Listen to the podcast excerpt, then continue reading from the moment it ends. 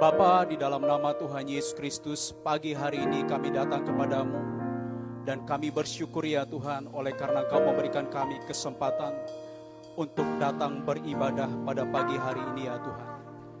Tuhan kami berdoa kiranya Kau berkenan melawat setiap kami. Kau berkenan memberkati dan menguduskan kami ya Tuhan. Baik kami yang beribadah di tempat ini maupun yang beribadah secara live streaming. Tuhan kami juga berdoa untuk seluruh pelayan-pelayanmu yang ambil bagian untuk melayani pada pagi hari ini. Berkatmu ya Tuhan, berkatmu. Demikian juga untuk Kepala Pembina kami yang akan menyampaikan kebenaran firman-Mu pada pagi hari ini Tuhan.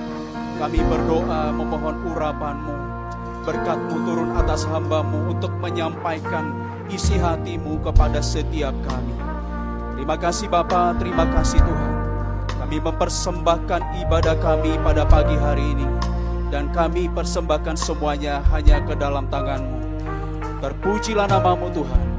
Di dalam nama Tuhan Yesus Kristus kami berdoa dan mengucap syukur. Mari kita yang diberkati bersama-sama katakan Amin. Kita berikan tepuk tangan yang meriah bagi Allah kita. Sekali lagi shalom. Boleh saya melihat tangan-tangan yang diberkati, Anda yang di rumah. Apa kabarnya semuanya sehat? Semuanya baik, amin. Kita berikan tepuk tangan yang sukacita bagi Allah kita. Kita memuji Tuhan bersama-sama, yuk. Dengan sukacita pagi hari ini, di hari sabat, kita memuji-muji Tuhan Allah kita.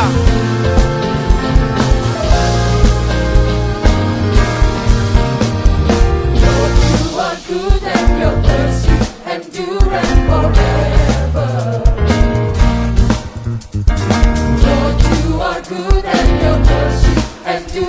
forever.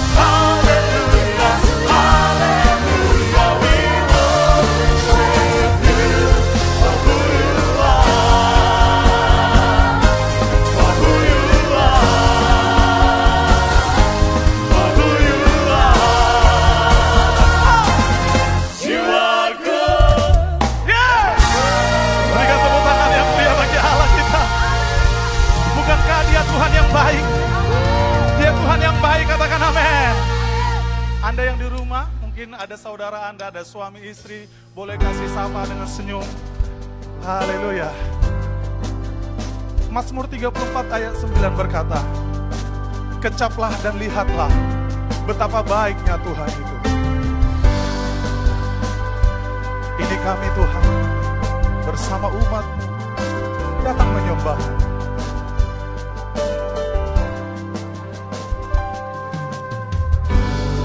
Ucaplah dan lihatlah betapa baiknya Tuhan.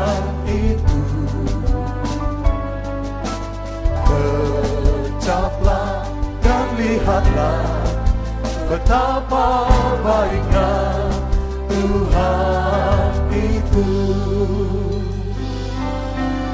Bila ku renungkan karyamu di dalam hidupku, ku sadar akan jauh.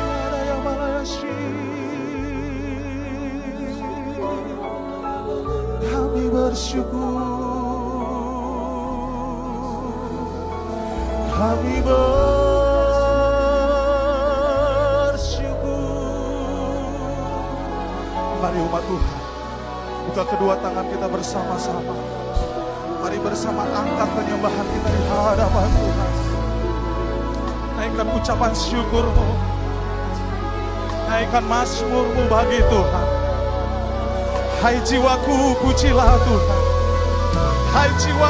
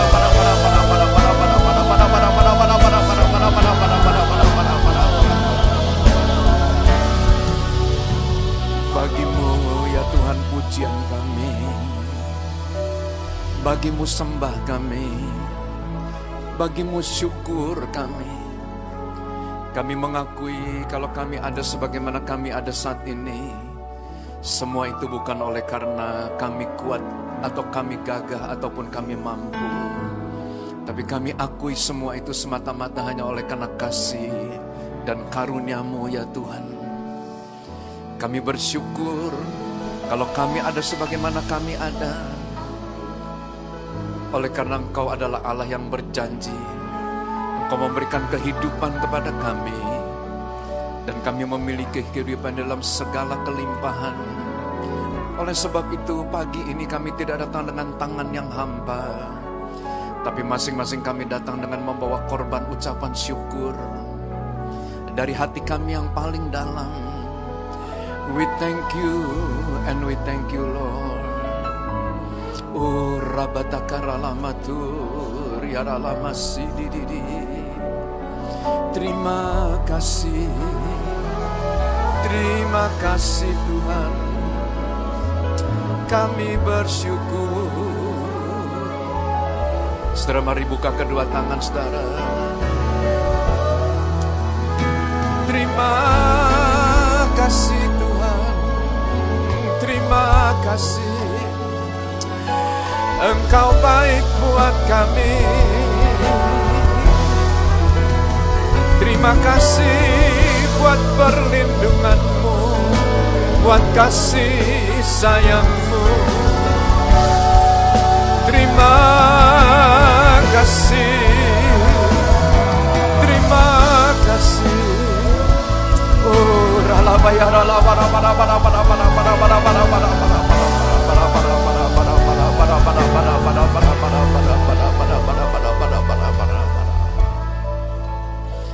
dan saat ini kami ingin menaikkan doa-doa kami ya Tuhan. Kami berdoa untuk saudara-saudara kami yang sedang mengalami kelemahan tubuh oleh karena sakit penyakit. Kami berdoa ya Tuhan untuk hamba Musri, Yohana, Porman, Alicia, Ranti. kami serahkan dalam tangan-Mu ya Tuhan. Kami juga berdoa untuk Marlen, Imelda, Dilbert, dan Daryl. Kami mohonkan ya Tuhan uluran tangan-Mu. Kiranya Kau berkenan untuk mengirimkan kesembuhan, kekuatan buat hamba-hambamu dan pemulihan akan kesehatan daripada hamba-hambamu. Kami bersyukur kalau Doni setelah diizinkan untuk kembali ke rumah. Kami berdoa ya Tuhan kiranya Tuhan yang akan melengkapi dan Tuhan yang akan memulihkan seluruh kesehatan daripada hambamu ini. Kami berdoa ya Tuhan buat keluarga daripada Antoni Tarigan.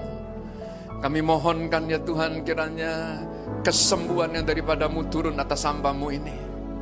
Dan tidak lupa kami berdoa untuk yang kami kasihi. Yaitu Bapak Pendeta Basingan Sembayang. Tuhan kau membangkitkan hambamu dari tempat tidurnya. Engkau membangkitkan hambamu ini daripada kelemahan tubuhnya. Dan saat ini kami mohonkan biarlah roh yang membangkitkan kekuatan turun atas hambamu ini. Engkau membangkitkan semangat daripada hambamu. Engkau membangunkan kekuatan daripada hambamu. Tuhan kau memulihkan hambamu ini. Kau memberkati istri, kau memberkati anak-anak, kau memberkati seluruh keluarga besar. Dan saat ini kami berdoa. Kami mohonkan ya Tuhan, kiranya Tuhan berkenan untuk mengurapi kami dengan jubah pujian. Dengan hati yang menyembah. Engkau memberikan kepada kami hati yang baru. Yakni hati yang mengasihi Tuhan. Kami boleh tetap hidup dalam hormat dan takut akan Tuhan. Urapi kami. Urapi hamba-hambamu. Ini doa kami. Dalam nama Tuhan Yesus. Mari yang diberkati bersama dengan saya katakan. Amin. Mari kita berikan tepuk tangan yang meriah. Saya percaya kita bisa berikan tepuk tangan yang lebih meriah lagi dari ini. Haleluya. Haleluya. Nah silakan duduk Bapak Ibu. Nah puji Tuhan kalau pagi hari ini nah kita diizinkan untuk uh, beribadah secara on-site dan sekaligus dengan live streaming. Nah ini adalah kali yang kedua dan kita hanya menggunakan kurang lebih hanya 10% daripada kapasitas ruangan ini. Nah, kita berharap agar nanti dengan berkembangnya uh, pandemi daripada kesehatan, oleh karena vaksin telah dimulai, nah kita juga nanti akan kemudian membuka ibadah-ibadah, nah dengan kapasitas yang lebih lagi. Mungkin dari 10% kita akan naikkan ke 20%, dari 20% kita akan naikkan ke 30%, dan perlahan-lahan kita akan kemudian membuka ibadah sehingga semua bisa memperoleh kesempatan. Nah sekaligus pada pagi hari ini juga saya mohon maaf karena permohonan untuk mengikuti ibadah on-site itu sangat tinggi dan saya mengerti bahwa kita telah rindu untuk beribadah oleh karena sudah hampir satu tahun kita beribadah secara online dan tidak datang ke rumah Tuhan. Nah kita berharap saudara agar pemerintah itu bisa menyelesaikan uh, penyebaran dan kemudian pembagian daripada vaksin dalam tempo yang sesingkat-singkatnya dan kita mendukung program daripada pemerintah. Saya pribadi siap untuk menerima vaksin dan saya percaya kita semua siap untuk menerima vaksin. Amin. Nah, kita akan mulai tema daripada bulan ini, Saudara, adalah tema yang sangat-sangat indah oleh karena gereja kita adalah gereja yang dipanggil untuk memulihkan pondok Daud yang telah roboh. Dan kalau ada yang bertanya apakah yang dimaksudkan dengan pondok Daud yang telah roboh, maka pondok Daud itu berbicara tentang pemulihan daripada satu pelayanan yang menekankan doa, pujian, dan penyembahan. Nah selama bulan ini kita akan kemudian mendengar kebenaran-kebenaran tentang worship, tentang penyembahan.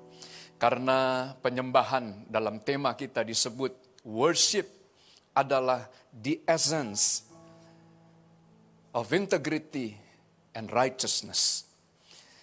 Ada satu dupa yang harum yang kita akan persembahkan. Dan kita berharap saudara, biarlah sepanjang tahun ini, bahkan sampai selama-lamanya, dari gereja ini akan keluar satu essence, satu dupa yang harum yang menyenangkan hati Tuhan.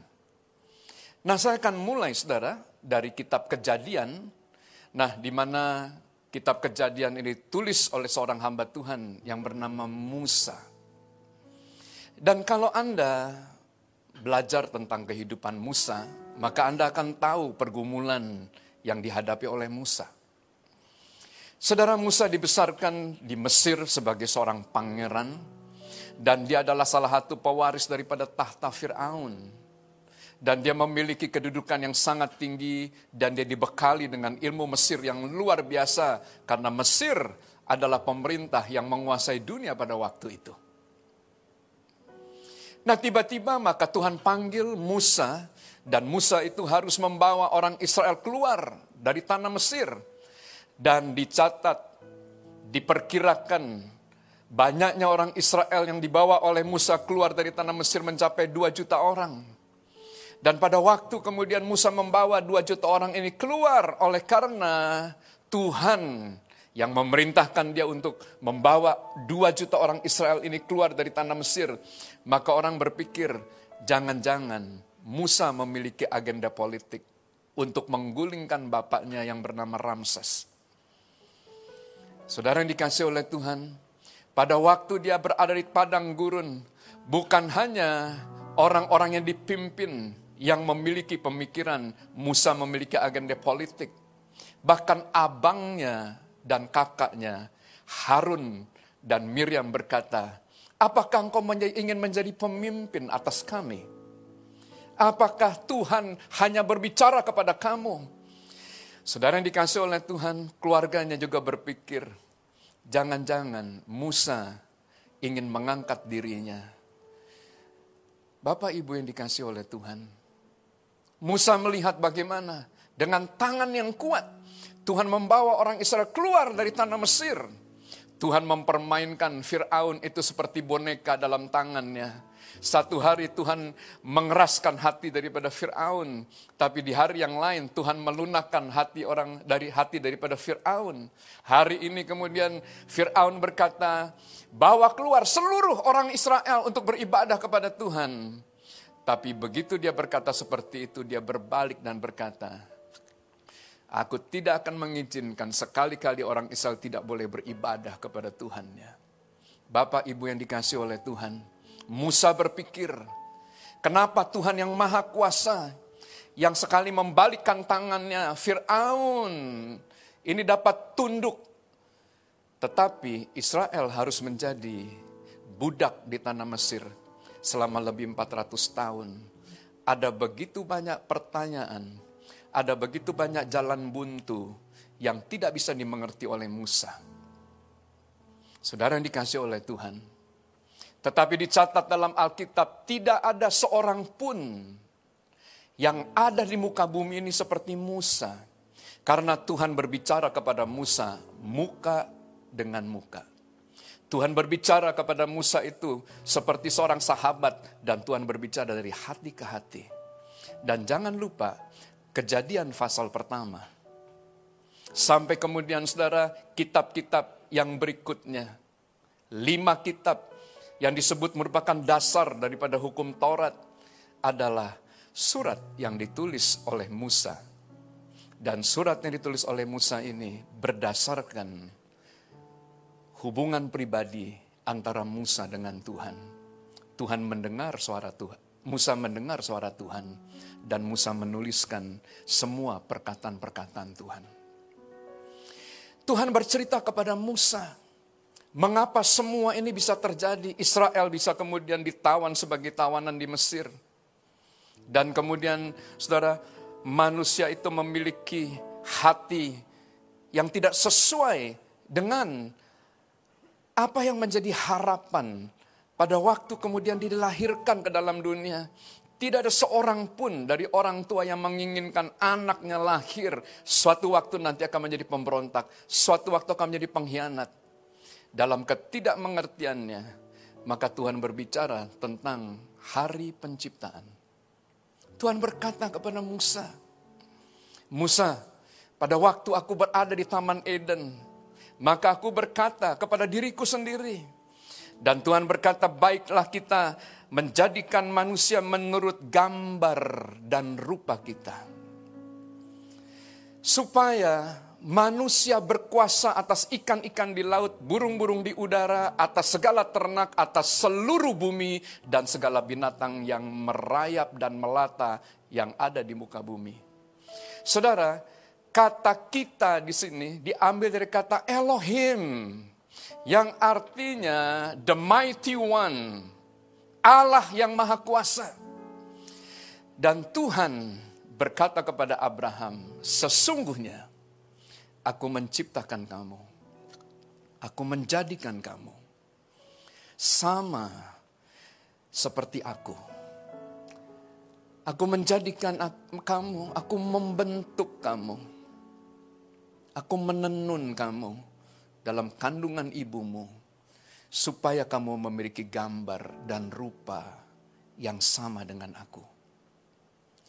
Sehingga kalau kamu percaya, kamu tidak hanya melakukan perkara-perkara yang besar seperti yang aku lakukan, tapi percayalah, kamu akan melakukan perkara-perkara yang jauh lebih besar. Karena kamu diciptakan menurut rupa dan gambar Allah. Supaya kamu berkuasa. Bapak ibu yang dicekasi oleh Tuhan, tetapi apa yang terjadi pada waktu manusia berada di Taman Eden, maka Tuhan bercerita kepada Musa. Tiba-tiba ular, tidak tahu dari mana, meminjam tubuh daripada, maaf, tiba-tiba iblis tidak tahu dari mana, datang dan masuk ke dalam Taman Eden, dan dia meminjam tubuh daripada seekor ular untuk berbicara kepada Hawa. Saudara dikasih oleh Tuhan, saya sering mendengar para pendoa berdoa seperti ini. Tuhan sebentar kami mau ibadah, dan saat ini kami menolak setiap roh-roh jahat. Kami menghardik setiap roh-roh jahat dan kami mengusir roh jahat dalam nama, nah, keluar dari tempat ini. Saudara yang dikasih oleh Tuhan, kalau kita belajar Alkitab, maka kita tahu iblis itu ada di hadapan Tuhan. Di Taman Eden, tempat di mana Allah bersekutu bersama-sama dengan manusia, di situ iblis ada. Waktu kemudian Tuhan bertemu dengan dengan iblis, Tuhan bertanya, eh, iblis dari mana saja kamu? Aku keliling dunia Tuhan. Dia ada di hadapan Tuhan. Saudara jangan Anda pikir bahwa dalam gereja iblis tidak ada. Kita mesti kembali baca Alkitab. Iblis kemudian berkata, ah sekali lagi ya saya akan lebih jauh lagi. Saudara Tuhan memberikan perumpamaan tentang seorang penabur. Seorang penabur benih menabur benih pagi-pagi. Dan sebagian benih jatuh di jalan dan datang burung untuk makan. Maka murid tidak tahu dan mereka bertanya, Tuhan apa artinya? Dan Tuhan memberikan jawaban. Benih yang, jatuh di jalan dan kemudian datang burung makan. Yaitu orang yang mendengar firman Tuhan. Tapi dia tidak mengerti. Lalu datang yang jahat. Mengambil firman itu. Saudara yang dikasih oleh Tuhan. Waktu pemberitaan firman pun. Jangan Anda berpikir iblis tidak ada. Nah ini satu yang mengagetkan kita semuanya. Tapi kembali lagi Anda lihat cerita Alkitab menceritakan bahwa di tempat kudus pun yang kita sebut gereja, dia hadir. Nah kita akan belajar banyak saudara. Saya banyak mengalami peristiwa-peristiwa yang tidak menyenangkan waktu saya menulis. Nah pengertian-pengertian tentang worship. Karena ini adalah bahan-bahan yang saya kumpulkan untuk penulisan buku. Bapak ibu yang dikasih oleh Tuhan, mari kita lanjutkan. Iblis berkata kepada Hawa, Bukankah Tuhan berfirman kepada kamu, kalau kamu makan buah ini, maka kamu akan seperti Tuhan. Saudara yang dikasih oleh Tuhan, maka Hawa berkata, "Oh, tidak." Tapi Tuhan berfirman, "Kalau kami makan buah ini, kami akan mati." Tapi kemudian iblis berkata, "Sekali-kali kamu tidak akan mati." Tetapi Allah mengetahui bahwa pada waktu kamu memakannya, matamu akan terbuka dan kamu akan menjadi seperti Allah. Tahu tentang yang baik dan yang jahat. Saudara yang dikasih oleh Tuhan, maka iblis dia adalah seorang penipu. Dia adalah seorang pembunuh manusia. Dan bagaimana cara dia, cara kemudian iblis menyeret manusia, iblis mencelakai manusia. Nah kalau kita mundur sebentar, di dalam Yesaya pasal yang ke-14 ayat yang ke-12 sampai dengan 14. Maka iblis itu yang disebut Lucifer. Atau yang disebut a light bearer. Dia adalah pembawa daripada terang. Dia adalah malaikat yang melayani Tuhan di dalam pujian penyembahan. Bahkan dipercaya saudara dari kehidupannya itu keluar lagu-lagu yang indah. Pujian-pujian yang indah. Yang memuliakan Tuhan yang kepada dia beribadah. Tetapi pada waktu kemudian dia melihat kemegahan, kemuliaan dan keindahan daripada Tuhan. Maka dia berpikir dalam hatinya. Kenapa Aku harus menjadi seorang penyembah. Aku ingin seperti dia. Dan kemudian dicatat ada empat hendak yang menguasai kehidupan daripada Lucifer. Dan Lucifer kemudian berkata dalam hatinya, Aku hendak naik ke langit, aku hendak mendirikan tahtaku, mengatasi bintang-bintang Allah. Aku hendak duduk di atas bukit pertemuan dan aku hendak mengatasi ketinggian awan-awan. Di dalam kitab Daniel dikatakan bahwa orang-orang bijak itu seperti bintang-bintang yang ada di langit. Tetapi Lucifer tidak puas dengan keberadaannya. Dia menginginkan bahwa dia menjadi orang yang diangkat lebih lagi daripada yang lain. Saudara yang dikasih oleh Tuhan, pada waktu dia terobsesi menjadi seorang manusia yang sombong dan narsis. Maka apa yang terjadi? Tuhan melempar dia ke dalam kegelapan dan Tuhan mengusir dia keluar daripada kerajaan surga. Bapak Ibu yang dikasih oleh Tuhan, pada waktu Lucifer gagal, maka apa yang dia lakukan? Dia masuk ke Taman Eden dan dia menguji manusia dengan ujian yang sama seperti ambisi yang dia miliki. Alkitab mencatat Tuhan menciptakan manusia menurut rupa dan gambar Allah. Tetapi manusia tidak puas dengan apa yang Tuhan percayakan kepada manusia. Tapi manusia kemudian ingin menjadi Allah. Bukan menjadi serupa dan segambar dia ingin menjadi Allah. Maka sebagaimana Lucifer jatuh, di situlah kejatuhan manusia itu terjadi. Kalau Anda mengerti ini, maka Anda mengerti seluruh pencobaan yang ada dalam dunia ini. Seorang penulis buku bernama George Barna, seorang yang senang mengadakan survei terhadap gereja, dia berkata, jika seorang Kristen tidak mengerti kejadian pasal yang pertama sampai dengan pasal yang kelima, dia tidak mengerti siapa dirinya dan dia akan kehilangan identity daripada dirinya sendiri. Bapak, Ibu yang dikasih oleh Tuhan. Mazmur pasal 139 ayat 13, 15 dan 16. Saudara pemazmur mencatat pada waktu Tuhan menciptakan langit, bumi, dan isinya, maka Tuhan hanya berfirman. Dan waktu Tuhan berfirman, semuanya itu jadi. Namun pada waktu Tuhan menciptakan manusia dan binatang, garis bawahi. Saudara, maka Tuhan kemudian mengambil debu tanah. Tuhan mengotori tangannya.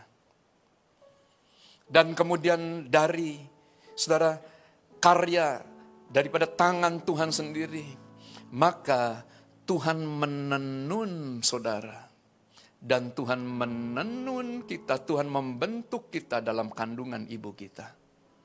Tulang-tulang kita tidak tersembunyi, tidak terlindung. Mata kita, mata Tuhan telah melihat pada waktu kita menjadi, sebelum kita menjadi anak, waktu kita jadi bakal anak dalam kandungan ibu, maka mata Tuhan itu telah melihat kita.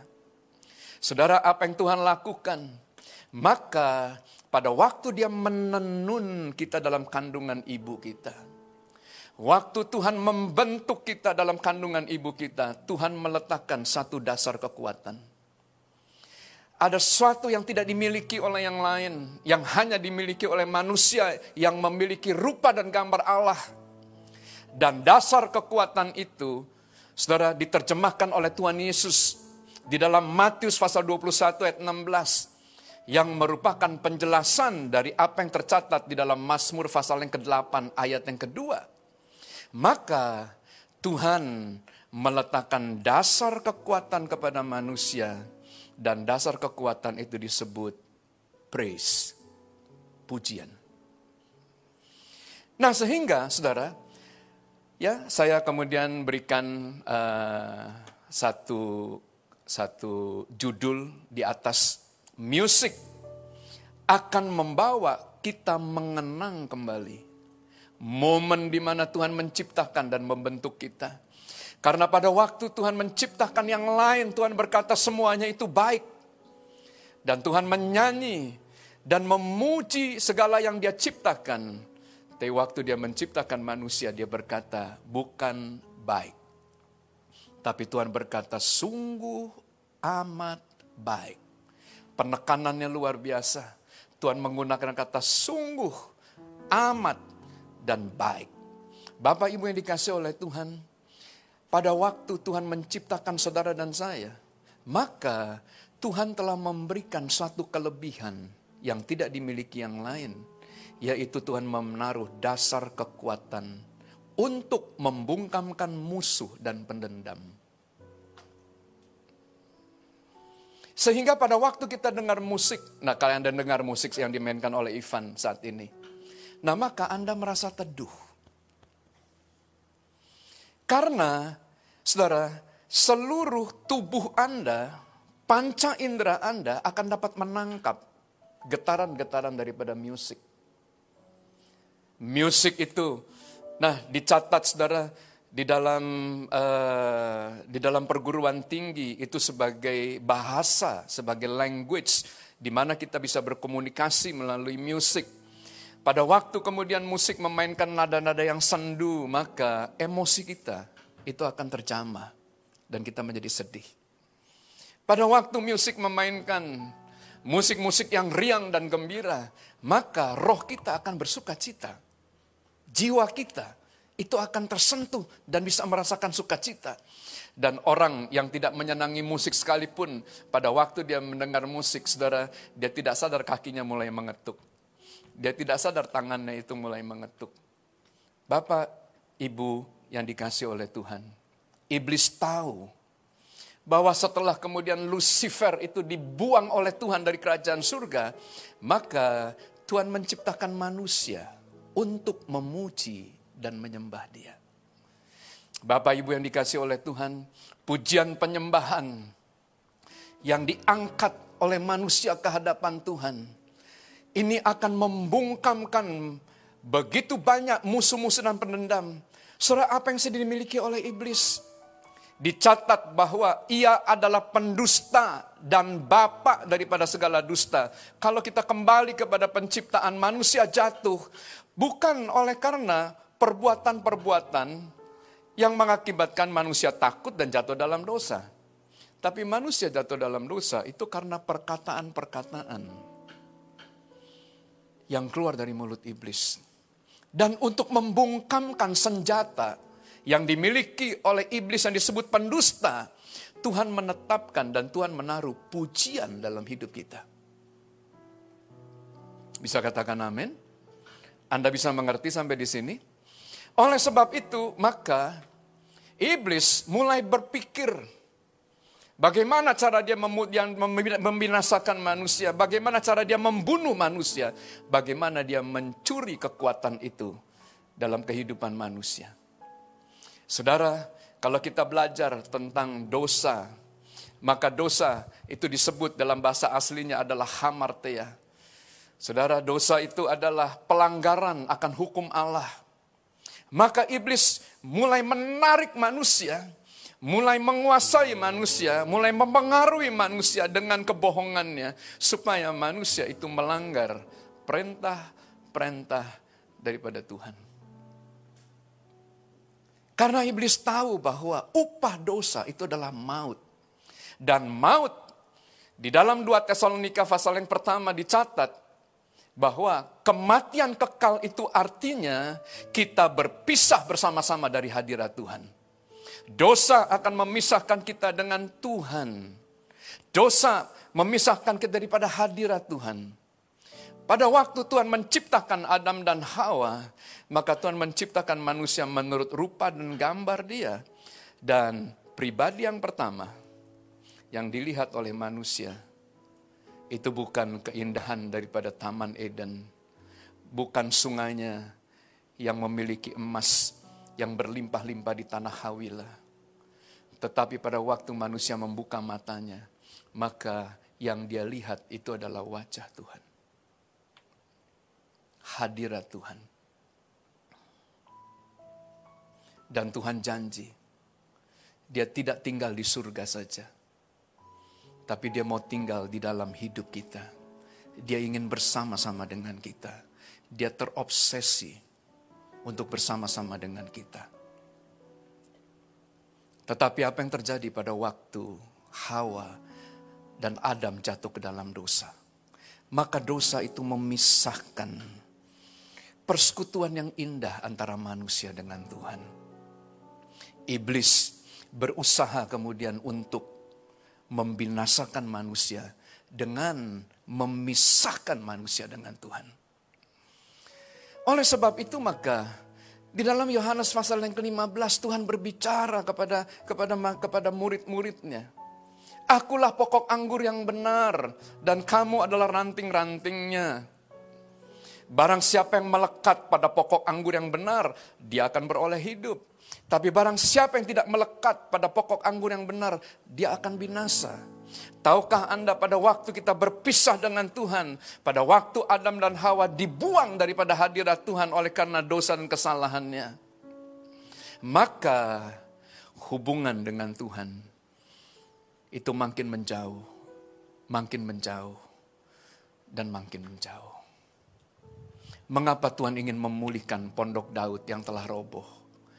Maka Daud itu berkata, Lebih baik satu hari di pelataranmu daripada seribu hari di tempat lain.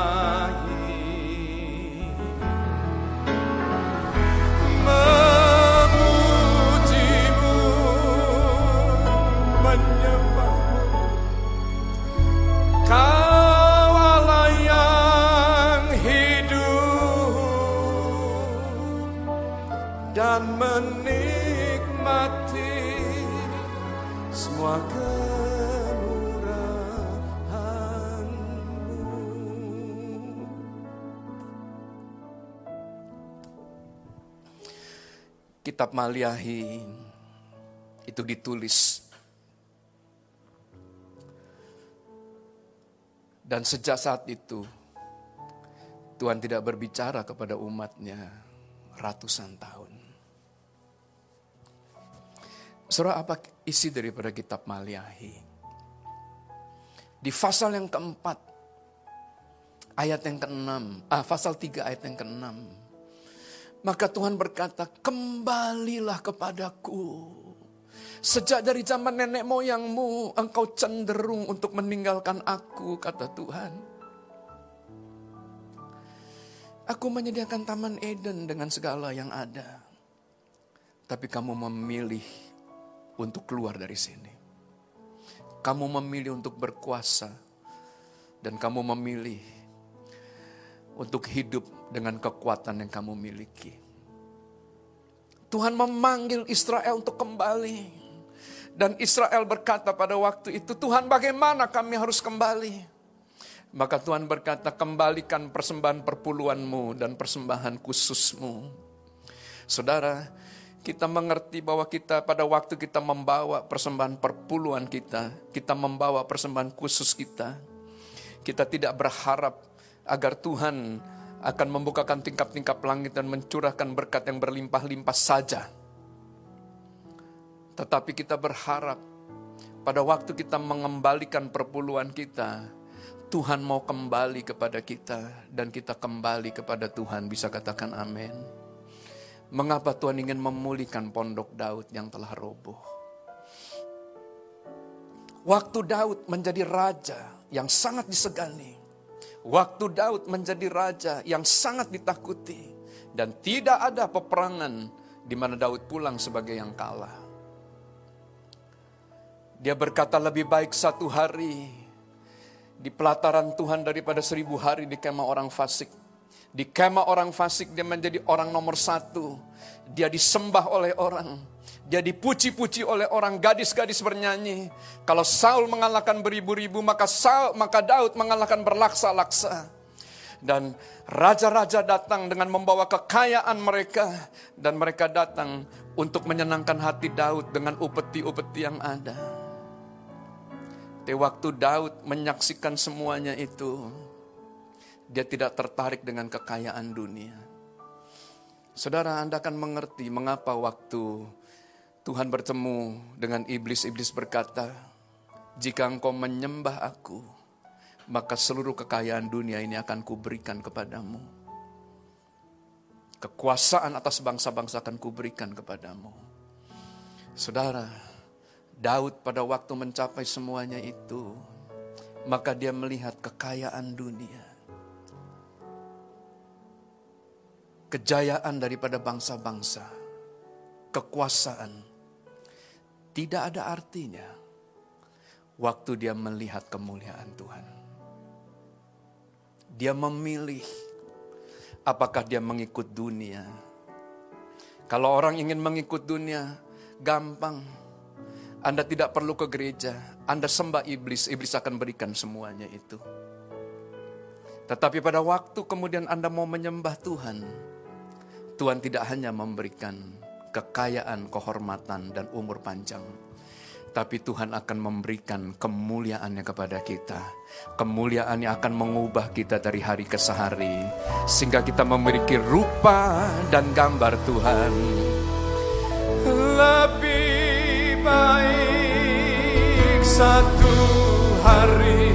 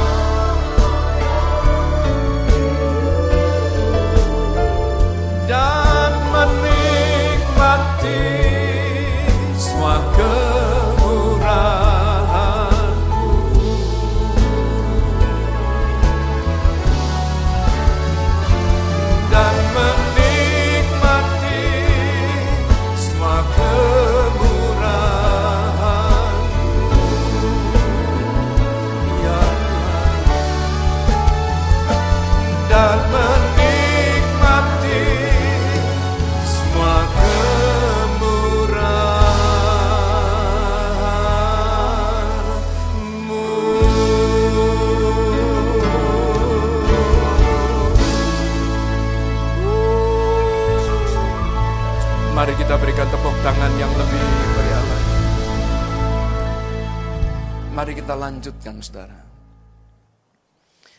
Apa yang terjadi pada waktu dosa ini kemudian saudara menguasai kehidupan kita.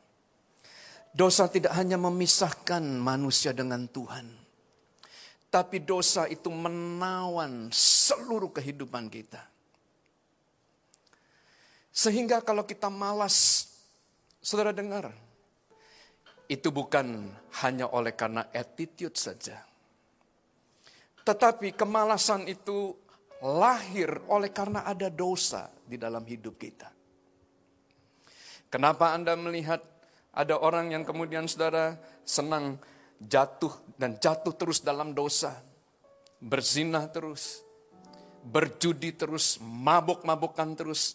Saudara dengar, itu bukan bukan karena dia punya kelemahan dalam bidang itu. Tidak. Tetapi Alkitab mencatat dosa yang ada dalam diri orang itu yang memikat orang itu untuk jatuh, jatuh, dan jatuh. Kenapa orang tidak bisa menguasai nafsu makannya sehingga badannya makin melebar, makin melebar dan perutnya makin besar, makin besar. Saudara yang dikasih oleh Tuhan, Anda mesti tahu bahwa pada waktu kita tidak bisa menguasai diri kita, maka ada kekuatan dosa yang ada di sana Paulus berkata begini, aku manusia celaka. Nah mengapa?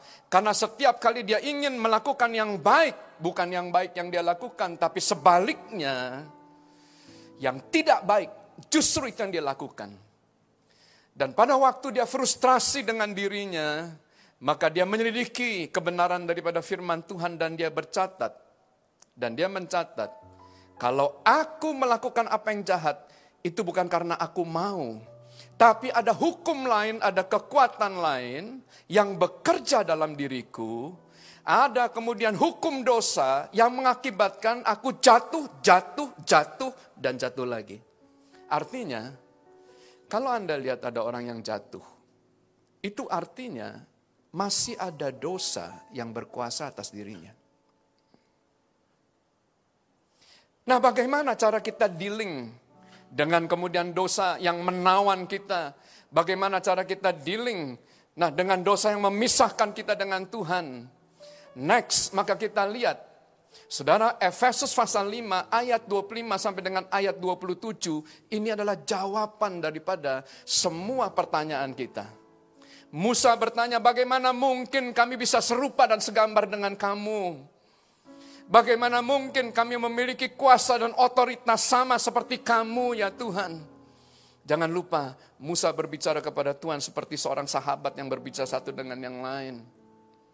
Aku manusia biasa yang tidak memiliki kekuatan apa-apa.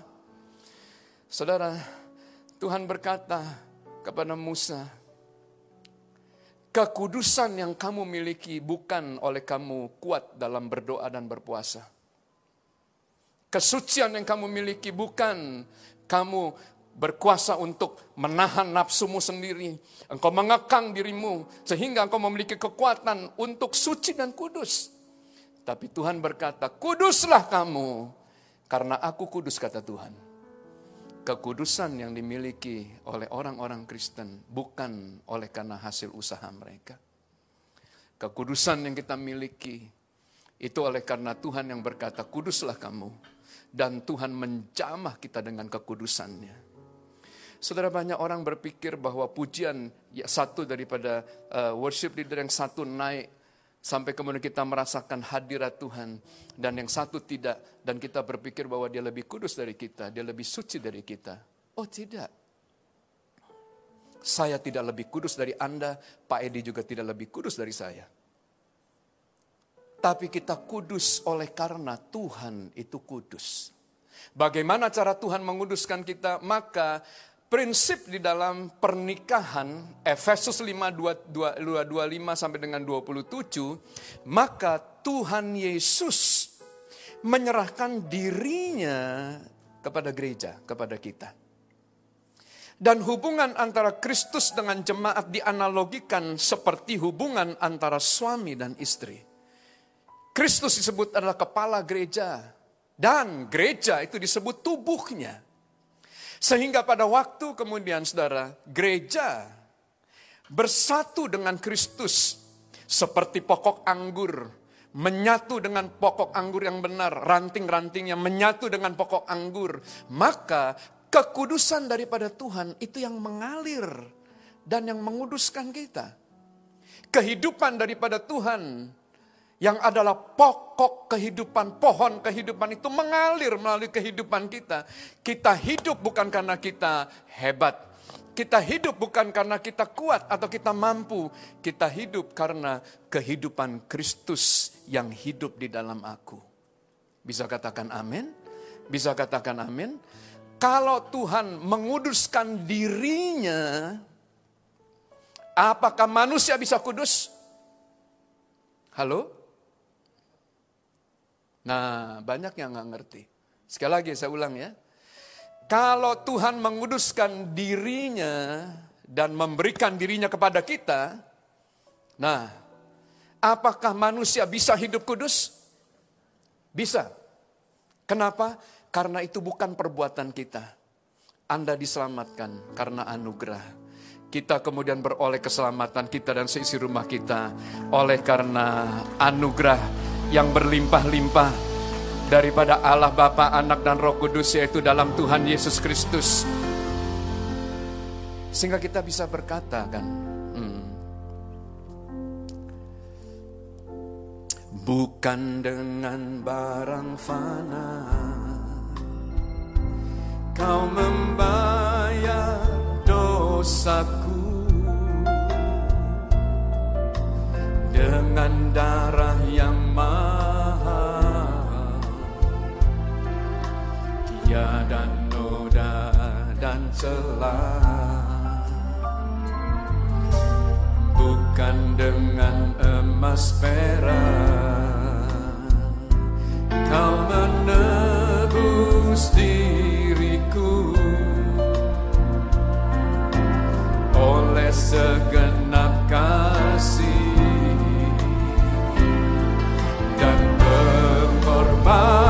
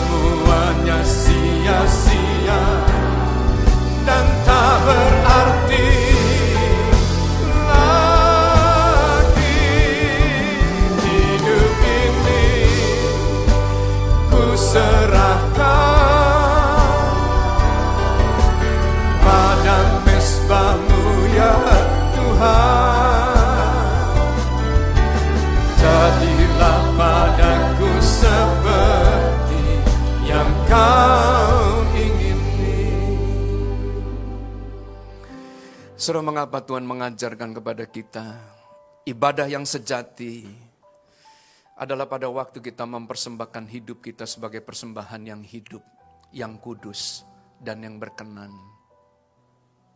Saudara yang dikasih oleh Tuhan, karena untuk menguduskan saudara dan saya, Tuhan menyerahkan tubuhnya supaya kita kudus.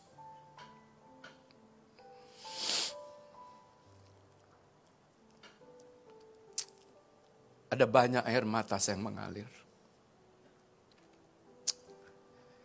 Waktu saya menulis bahan ini.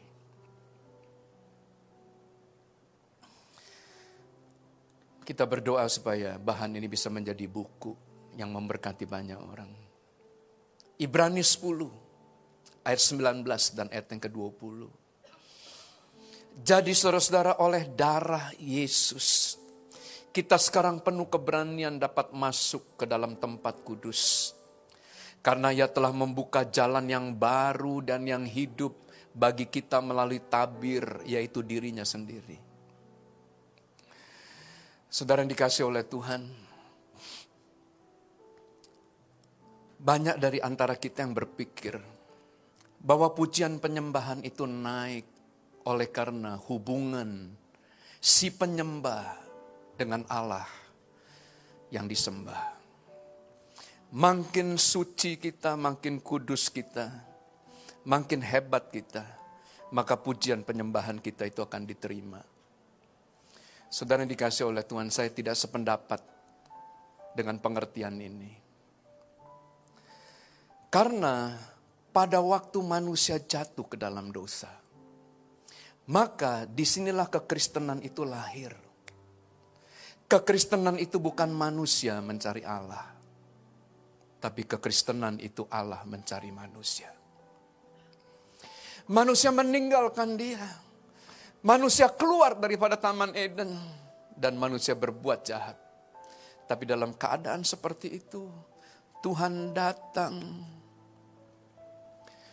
Tuhan menebus kita dengan darah yang mahal. Mengapa harus ada penebusan? Ibrani 9:22. Dan hampir segala sesuatu disucikan menurut hukum Taurat dengan darah dan tanpa penumpahan darah tidak ada pengampunan. Apa yang terjadi waktu Tuhan naik ke atas kayu salib, maka dicatat di dalam Alkitab tirai bait Allah yang memisahkan antara ruang kudus dan ruang maha kudus terbelah menjadi dua. Sehingga yang dulu tabu yang ada dalam ruang maha kudus tiba-tiba kemudian terbuka buat begitu banyak orang. Dan Ibrani mencatat bagaimana cara Tuhan itu membangun jalan yang baru.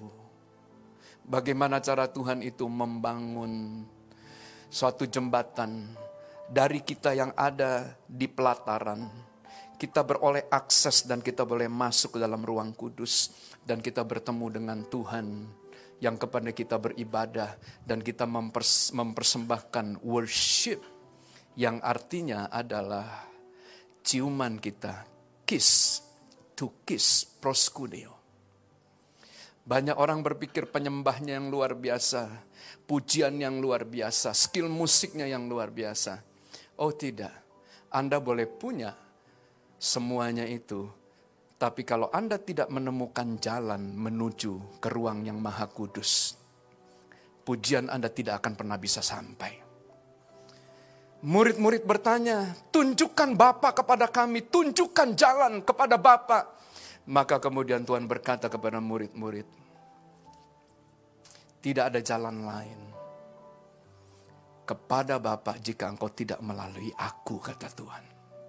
Dan bagaimana cara Tuhan membuka jalan?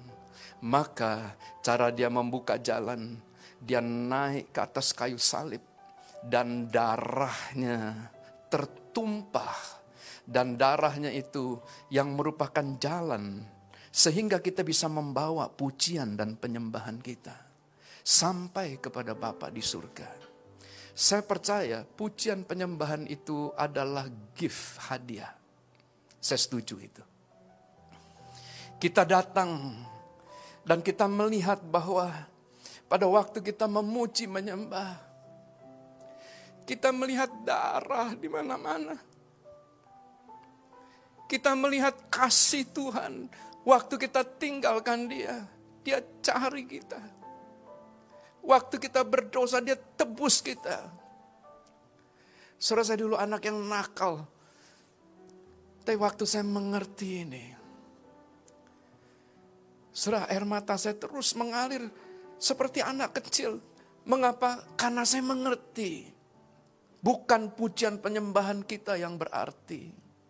Tapi pengorbanan Kristus yang memampukan kita untuk masuk ke dalam tempat kudus. Bisa katakan amin. Saya akan akhiri saudara, karena waktu saya juga sudah habis. Tuhan menebus kita dari cara hidup kita yang sia-sia. Bukan dengan barang fana, Bukan pula dengan emas atau perak, tapi dia menebus kita dengan darah yang mahal. Penyembahan worship itu dimulai daripada pengenalan. Nah, bagaimana cara kita mengenal Tuhan? Hal yang pertama, ya, nah ini saya mau sebentar di sini. Saya mau jelaskan ini khusus buat hotband. Supaya paradigmanya dirubah dari paradigma yang lama. 1 Korintus 2 ayat 10 berkata, Karena kepada kita Allah telah menyatakannya oleh roh. Sebab roh menyelidiki segala sesuatu, bahkan hal-hal yang tersembunyi dalam diri Allah. Kita selalu diajar, kamu gak perlu mengerti tentang Tuhan. Otak kamu sebesar bapau, bagaimana kau bisa mengerti Tuhan? Kalau kita nggak ngerti Tuhan, kita nggak bisa menyembah Dia. Penyembahan itu artinya adalah mencium Tuhan. Apakah Anda mencium orang yang tidak Anda kenal? Apakah Anda mau keluar dari gedung ini? Setiap orang yang kemudian ya lewat tempat ini Anda panggil sini, saya beri kamu hadiah, saya akan cium kamu. Orang akan bilang, jangan-jangan ada sesuatu yang sudah mulai koslet. Kita mencium seseorang yang kita kenal.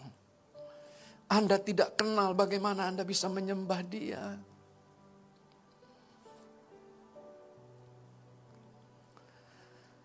Bagaimana cara kita bisa mengenal dia? Saudara yang dikasih oleh Tuhan, maka Tuhan berkata, jika kamu mengaku dosa, maka ia adalah setia dan adil. Ia akan mengampuni dosa kita dan menyucikan kita daripada segala dosa-dosa kita. Dan waktu kemudian saudara kita melepaskan pengampunan dan kita mengampuni. Maka the God of peace, Allah sumber damai sejahtera, dia akan menguduskan kamu seluruhnya. Saudara, dari pihak Tuhan, Tuhan sudah berkata finish, sudah selesai. Tetapi ada keputusan yang Anda harus ambil untuk menerima pengorbanan Kristus. Yaitu yang pertama, Anda mengaku dosa. Akui saja. Saudara saya kalau udah bertemu dengan Tuhan, sudahlah, nggak ada dosa yang saya sembunyikan lah. Tuhan ampuni, saya memang saya lemah. Tuhan ampuni, saya memang saya salah. Tuhan ampuni saya karena saya bodoh. Karena pada waktu kita mengampuni, maka Tuhan akan mengampuni. Mengapa Anda lihat satu orang dia kemudian berdoa dan memuji menyembah Tuhan, maka hadirat Tuhan begitu kuat karena dia mengerti tentang pengampunan dan perdamaian. Anda tidak mungkin bisa berjalan di jalan yang baru, jalan yang dibuka oleh karena pengorbanan Kristus di atas kayu salib. Tapi Anda sendiri tidak mau kemudian mengampuni dan berdamai. Oleh sebab itu Tuhan berkata, jika kamu mempersembahkan korban di atas mesbah kotor, ingat sesuatu dalam hati saudaramu, tinggalkan dan kemudian pergi dulu berdamai. Mengapa? Karena kalau kamu tidak mengampuni, dosa kamu pun tidak akan diampuni. Saudara, jangan mimpi kita bisa berjalan di jalan yang dibuat oleh Tuhan untuk masuk dan bertemu dengan Bapak pada waktu Anda tidak mau berdamai dan mengampuni.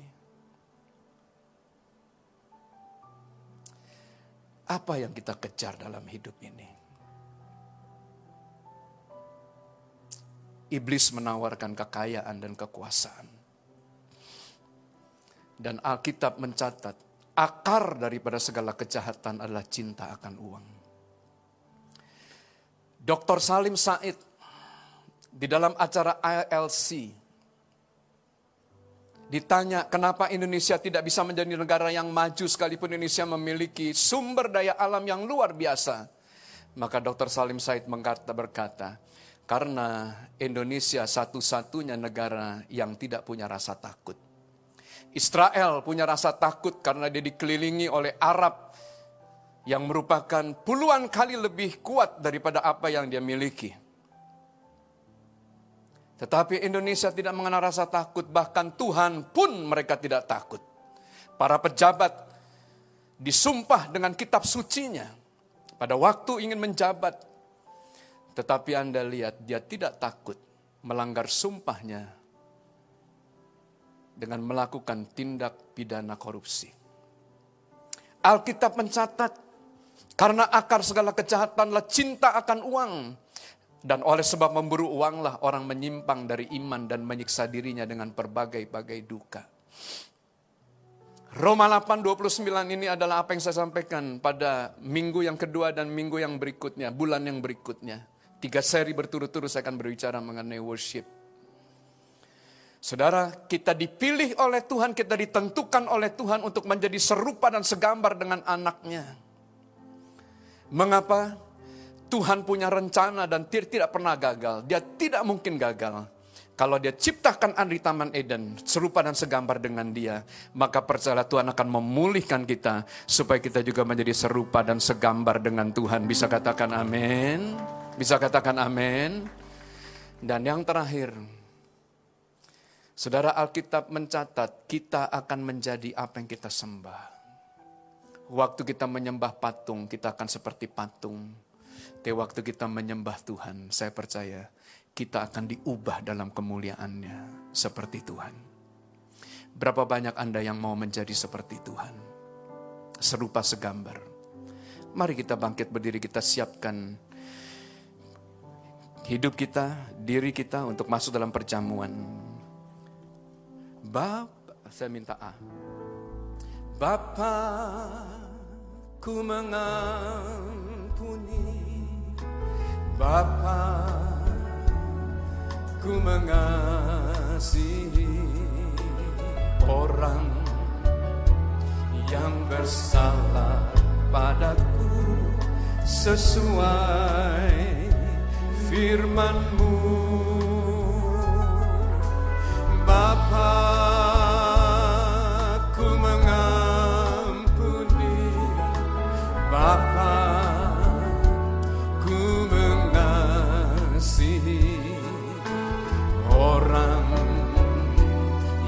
yang bersalah padaku sesuai firman-Mu.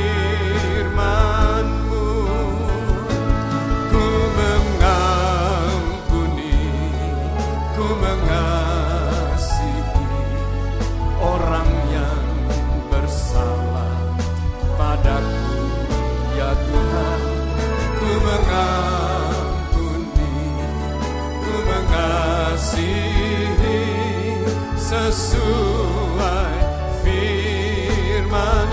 Saudara Pak Edi, ku mengampuni, ku mengasihi orang yang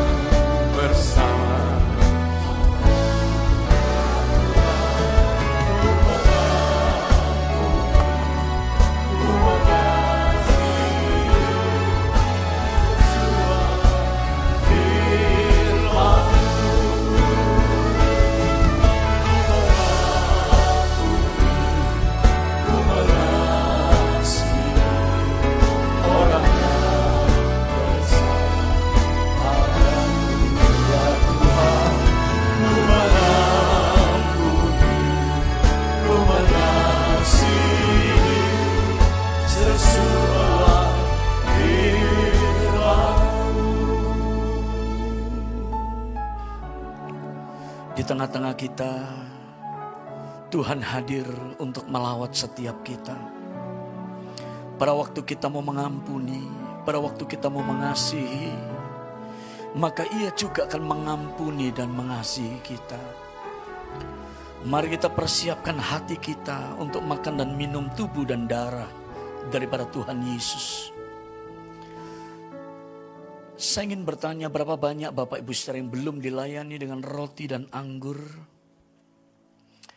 Apabila ada di antara Bapak Ibu saudara yang ada di ruangan yang belum dilayani, ada di sebelah kanan, mari para hamba-hamba Tuhan, para diaken untuk melihat.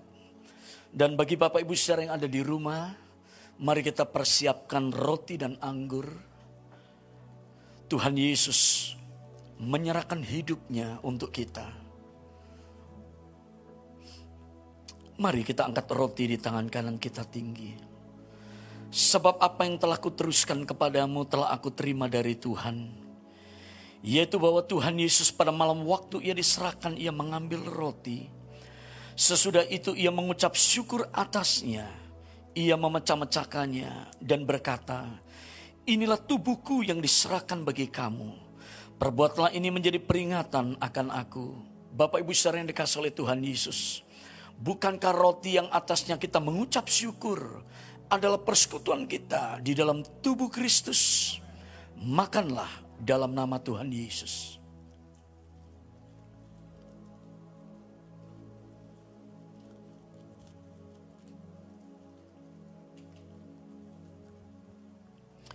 Angkat cawan di tangan kanan kita tinggi-tinggi. Demikian juga ia mengambil cawan sesudah makan. Lalu Tuhan Yesus berkata, cawan ini adalah perjanjian baru yang dimeteraikan oleh darahku. Perbuatlah ini setiap kali kamu meminumnya menjadi peringatan akan aku. Bapak Ibu saudara yang dikasih oleh Tuhan Yesus. Bukankah cawan yang atasnya kita mengucap syukur adalah persekutuan kita di dalam darah Kristus. Minumlah dalam nama Tuhan Yesus.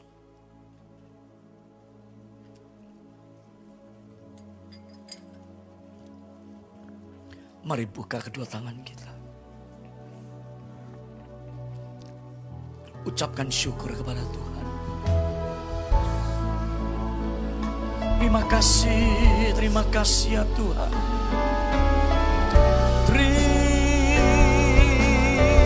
Terima kasih. Terima kasih.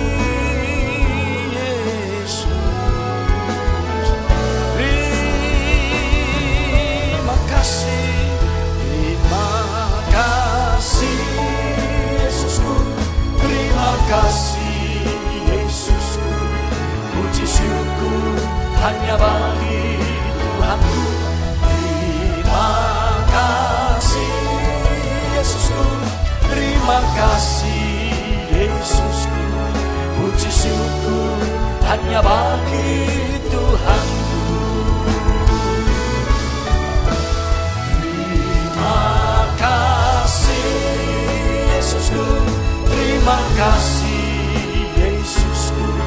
Puji syukur hanya bagi Tuhanku. Terima kasih Yesusku. Terima kasih Yesusku. Puji syukur hanya bagi Tuhanku. Puji syukur hanya bagi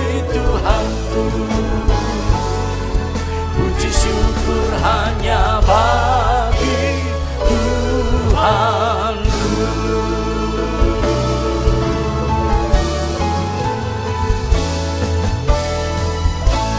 Mari berikan tepuk tangan anda yang berada di rumah, mari naikkan ucapan syukur kita. Haleluya, haleluya, haleluya. Terima kasih untuk tubuh dan darahmu. Terima kasih untuk pesan-pesan daripada firmanmu. Ajar kami untuk kami boleh hidup di dalam kekudusanmu ya Tuhan. Sehingga kami beroleh jalan untuk membawa doa, pujian, dan penyembahan kami. Dan semuanya berkenan kepadamu. Kami bersyukur untuk persembahan-persembahan yang sebentar kami akan bawa kepadamu. Ini doa kami, hormat pujian hanya bagimu. Di dalam nama Tuhan Yesus. Mari bersama-sama yang diberkati kita katakan amin. Silakan duduk. Dan Anda yang berada di rumah, kita akan tetap masih eh, tinggal dalam ibadah ini. Nah Bapak Ibu saudara yang dikasih oleh Tuhan Yesus, sepanjang daripada bulan ini maka kita akan membawa satu persembahan yang khusus, yaitu persembahan yang dinamakan dengan persembahan buah sulung. Dan pagi ini secara khusus pada waktu kita membawa persembahan buah sulung kita, maka kita kemudian akan mengangkat persembahan kita dan kita bersama-sama akan membaca deklarasi yang kemudian ditayangkan dalam multimedia bersama-sama. Nah persembahan buah sulung adalah persembahan yang kita unjukkan kepada Tuhan dari sebagian berkat yang Tuhan ini kemudian berikan kepada kita. Kita bawa dan kita kemudian mulai mengakui bahwa kalau kita diberkati, kalau kita kuat dan kita kemudian beroleh sesuatu yang baik, yang semuanya dari Tuhan, itu bukan karena kekuatan yang ada pada kita, tetapi semuanya itu oleh karena Tuhan yang berkenan untuk menyertai, Tuhan yang berkenan untuk memberkati setiap kita. Nah ada beberapa cara untuk kita memberikan persembahan buah sulung di sepanjang daripada bulan ini. Bapak ibu saudara yang mungkin berada di tempat ini, maka ada amplop persembahan yang contohnya uh, bisa saya ambil seperti ini yang ada di depan Nah, ini adalah amplop daripada persembahan buah sulung yang bisa kemudian kita tempatkan persembahan kita dan kita akan bersama-sama nanti mengangkatnya dan membacakan deklarasi ini. Bapak Ibu saudara mungkin yang berada di rumah, Bapak Ibu saudara bisa memberikan persembahan lewat QR yang juga akan ditayangkan di akhir daripada pertemuan ibadah ini. Bahkan Bapak Ibu saudara yang rindu untuk kemudian memberikan persembahan dengan cara mentransfer, maka Bapak Ibu saudara bisa kemudian mentransfer persembahan itu lewat rekening daripada BCA dengan nomor rekening 8195. Sekali lagi, rekening BCA dengan nomor 8195 881 81 dengan satu kode yang unik karena ini adalah rekening uh, gereja ada satu kode yang sangat unik yaitu pada waktu Bapak Ibu Saudara ingin mentransfernya maka Bapak Ibu Saudara perlu untuk menambahkan dua rupiah di belakang daripada angka yang mau ditransfer. Kalau persembahan Bapak Ibu Saudara rindu untuk mempersembahkan sebesar misalnya satu juta rupiah, maka kita perlu menambahkan satu juta dua rupiah. Sehingga pada waktu kami atau bagian keuangan melihat ada satu juta dua rupiah, maka kami kemudian tahu bahwa ini adalah persembahan buah sulung yang kemudian dibawa oleh jemaat, yang dibawa oleh orang-orang percaya untuk kemudian dipersembahkan. Kita sudah mengerti Persembahan buah sulung itu tidak dipakai untuk operasional daripada gereja. Tetapi persembahan buah sulung adalah waktu bagi jemaat ini kemudian memberkati para imam, memberkati dan memberikan kesejahteraan kepada para imam. Nah, apa yang terjadi pada waktu kita kemudian membawa persembahan buah sulung kita? Nanti kita bisa baca dalam Yeskiel pasal 44 ayat yang ke-30 dalam bagian yang terakhir dari ayat itu, maka Tuhan berkata, "Aku akan memberkati rumah-rumahmu." Saya berdoa di tengah-tengah pandemi yang terus saat ini sedang berjalan, maka tidak ada seorang pun di antara kita yang kekurangan. Tetapi setiap kita akan diberkati, bahkan kita juga akan beroleh kelimpahan segala yang baik, yang indah, yang datang dari Tuhan. Mujizat-mujizatnya kiranya itu terjadi dalam kehidupan kita.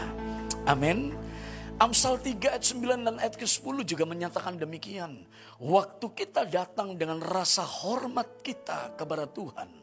Yaitu dengan membawa sesuatu yang terbaik dari buah sulung yang kita persembahkan kepada Tuhan. Tuhan akan memberkati lumbung kita. Tuhan akan memberkati tempat pemerahan kita. Saya berdoa Anda kebun-kebun Anda, usaha Anda, pekerjaan Anda, dan apa yang semua dikerjakan oleh seluruh jemaat, semuanya ini berkenan dan diberkati oleh Tuhan. Mari kita bangkit berdiri. Saya mengajak kita bersama-sama untuk mengangkat persembahan kita dan kita akan membaca deklarasi daripada persembahan kita ini bersama-sama. Mari angkat semuanya saya percaya udah dapat uh, amplop. Nah sekalipun Anda mungkin nantinya memberikannya dengan cara transfer, Anda angkat amplop yang memang sudah kemudian berada di eh, tempat-tempat duduk Anda. Kita akan baca bersama-sama dimulai dari awal. Mungkin ada di antara Anda yang belum mendapatkan amplop. Silakan kalau ada yang belum, mari angkat bersama-sama dan kita akan baca bersama-sama. Kita mulai dari deklarasi yang pertama. Deklarasi saat mempersembahkan buah sulung. Dua, tiga. Saat ini kami umatmu membawa persembahan buah sulung tahun ini kepadamu. Diiringi dengan rasa syukur dan sukacita atas janjimu. Kami menyatakan bahwa Tuhan itu benar, bahwa ia gunung batuku dan tidak ada kecurangan padanya. Tuhan telah menyediakan apa yang kami perlukan untuk makan, minum, dan pakai. Tuhan jugalah yang telah memberkati segala pekerjaan dan usaha kami, sehingga kami dapat membawa persembahan ini. Kiranya Tuhan berkenan menerima persembahan buah sulung ini yang kami persembahkan dengan rela dan dengan tulus ikhlas. Amin. Mari kita berdoa. Tuhan kiranya engkau memberkati persembahan daripada umatmu. Dan kiranya seluruh persembahan daripada umatmu berkenan kepadamu ya Tuhan. Engkau memberkati segala usaha yang dikerjakannya. Engkau memberkati rumah tangga demi rumah tangga. Engkau memberkati suami, istri, dan anak-anak. Engkau memberkati ya Tuhan. Ladang-ladang daripada umatmu. Oh rala nama takarala dabataka ya rala nama rala nama rala nama. Oh rala nama takasyanda rala nama rala nama rala. Kiranya engkau berkenan untuk membuka tingkap-tingkap langitmu ya Tuhan dan curahkan perbendaraanmu untuk seluruh umatmu. Diberkatilah engkau di ladang, diberkatilah engkau di dalam rumah, diberkatilah engkau dengan berkat-berkat yang berlimpah-limpah. Segala yang baik, segala yang indah kiranya datang kepadamu. Malaikatnya akan dikirimkan oleh Tuhan untuk menyertai seluruh perjalanan kehidupanmu. Terimalah keberuntungan yang datang daripada Tuhan. Terimalah penyertaannya. Bahkan pada waktu engkau jatuh, engkau akan sanggup untuk berdiri. Dan engkau kuat, engkau kuat, engkau kuat, engkau kuat, engkau kuat. Karena Tuhan memberikan kekuatan kepadamu. Oh, ralana mata kalana baralana baralana baralana baralana ba. Kina ralana masando rialana maralana mo. Inalana mo rialana maralana masando.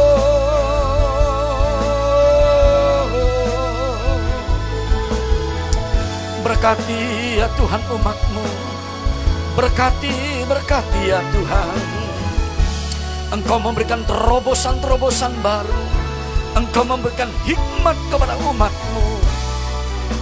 Di tengah-tengah goncangan yang saat ini sedang terjadi Mari Tuhan kau menyertai kehidupan daripada umatmu. Oh ralana mata kalana baralana maralana ma.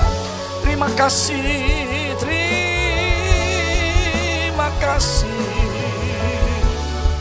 Terima kasih Tuhan Terima kasih Ini persembahan kami Engkau memberkati segala apa yang kami persembahkan Kepadamu lewat pelayanan daripada gerejamu yang ada di tempat ini Dan kalau sebentar Kami akan menutup pertemuan ibadah kami Engkau memberkati kami ya Tuhan. Bapak Ibu saudara yang dikasih oleh Tuhan Yesus. Kiranya engkau diberkati dengan berkat yang berlimpah-limpah. Berkat yang disediakan oleh Allah Bapa yang ada di surga. Di dalam anak yang tunggal yaitu Tuhan Yesus Kristus. Serta persekutuan yang manis daripada roh kudus. Akan menyertai seluruh perjalanan, pelayanan, pekerjaan, rumah tangga, Bapak Ibu Saudara di saat ini sampai selama-lamanya. Yang percaya dan diberkati bersama-sama kita katakan amin.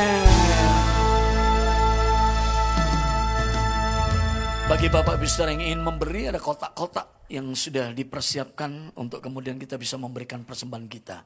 Tuhan memberkati berlimpah-limpah. Bagi Bapak Ibu yang mau mengetahui seluruh kegiatan gereja, dapat mengakses dan melihat di seluruh media sosial keluarga besar GBI Medan Plaza. Selamat hari Minggu, Tuhan Yesus memberkati dan Shalom! Good